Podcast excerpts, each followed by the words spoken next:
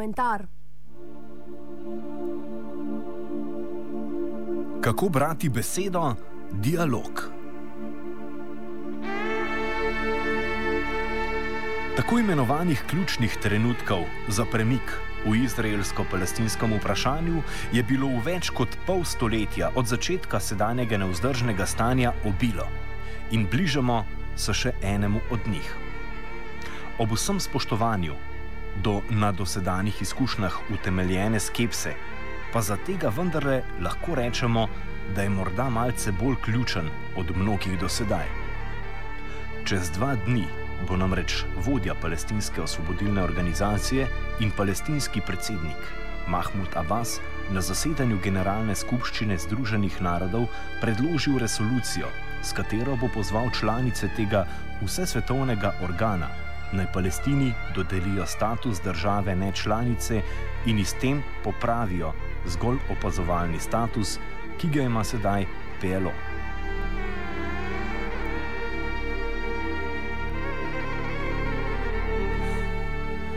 Palestina je bila kot država proglašena 15. novembra 1988.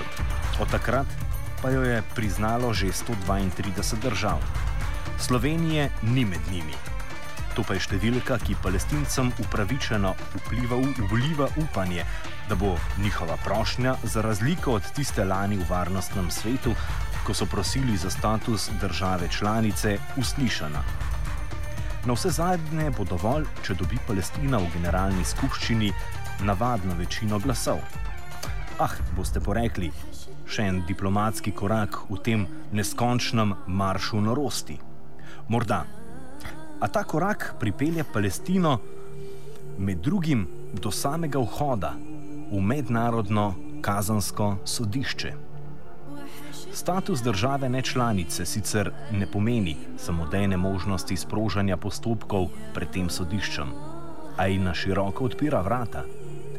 To pa je nekaj, kar predvsem dve državi, Izrael in Združene države Amerike, obe nepodpisnici rimskega statuta, s katerim se je to sodišče leta 1998 ustanovilo, močno moti.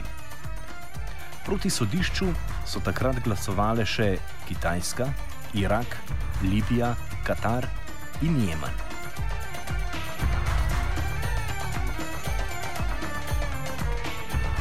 Kljub temu, da Izrael ni podpisnica rimskega statuta in ne priznava pristojnosti mednarodnega kazanskega sodišča, vlaga velike napore v to, da škodo, ki bi mu jo prizadela sprejeta palestinska resolucija, vsaj zmanjša, če jo že ne more preprečiti.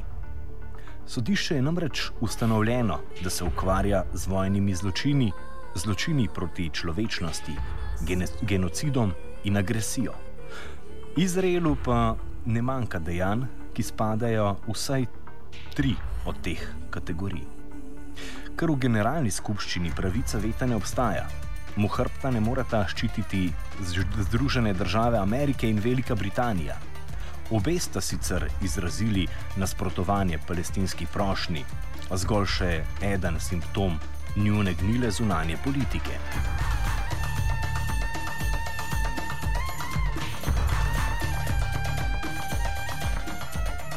Združene države tako svoje diplomatske napore vlagajo predvsem v umilitev vsebine resolucije in skušajo doseči, kar bi Izraelu za silo ustrezalo. Ta zahteva, da vsebuje palestinska prošnja nekaj samo izničujočih točk. Palestinci naj se tako zavežejo, da ne bodo zaprosili za članstvo v mednarodnem kazanskem sodišču. Resolucija naj vsebuje klauzulo, da gre zgolj za simbolično odločitev, ki Palestini ne dodeljuje suverenosti nad Zahodnim bregom, Gazo in vzhodnim Jeruzalemom. Izrael pa zahteva še vključitev palestinske zaveze k obnovitvi neposrednih pogajanj brez predpogojev. Podobne pogoje za pristanek na dvig palestinskega statusa v Združenih narodih postavlja tudi Velika Britanija. Ena od glavnih, če ne kar glavni krivec, da je do osnovnega zapleta na Bližnjem vzhodu sploh prišlo. Ravno v izraelski zahtevi po neposrednih pogajanjih pa se skriva vsa čarobnost sodobnega političnega marketinga. Kaj namreč zveni lepše kot pogajanja med upletenima stranema in to neposredna? Kaj je namreč za Izrael bolj koristno od nadaljevanja pogovorov na raznih ravneh, ki zgolj mečajo pesek v oči svetovne javnosti, medtem ko izraelski gradbeniki mešajo pesek za gradnjo novih judovskih naselbin na zasedenih ozemljih? Ko iz ust izraelskih, ameriških, evropskih in seveda tudi slovenskih politikov v kontekstu izraelsko-palestinskega vprašanja naslednjič slišite besedo dialog, jo tako ne mudoma prevedite v monolog, izraelski seveda. Razlog za ustrajanje zahodnega političnega vodstva na neposrednih pogajanjih se v glavni meri skriva v njegovi nepripravljenosti na kakršnakoli resen pritisk na Izrael.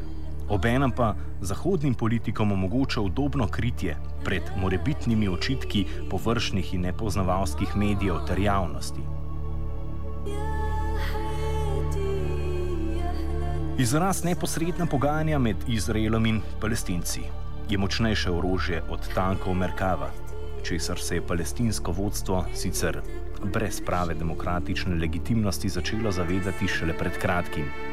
O čem in kako naj se namreč zapornik pogaja s svojim paznikom? Čas je, da se dialog, beri monolog, prelevi v multilog.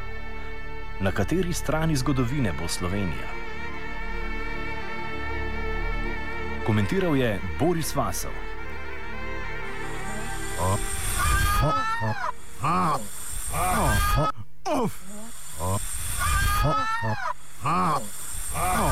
Off komentar.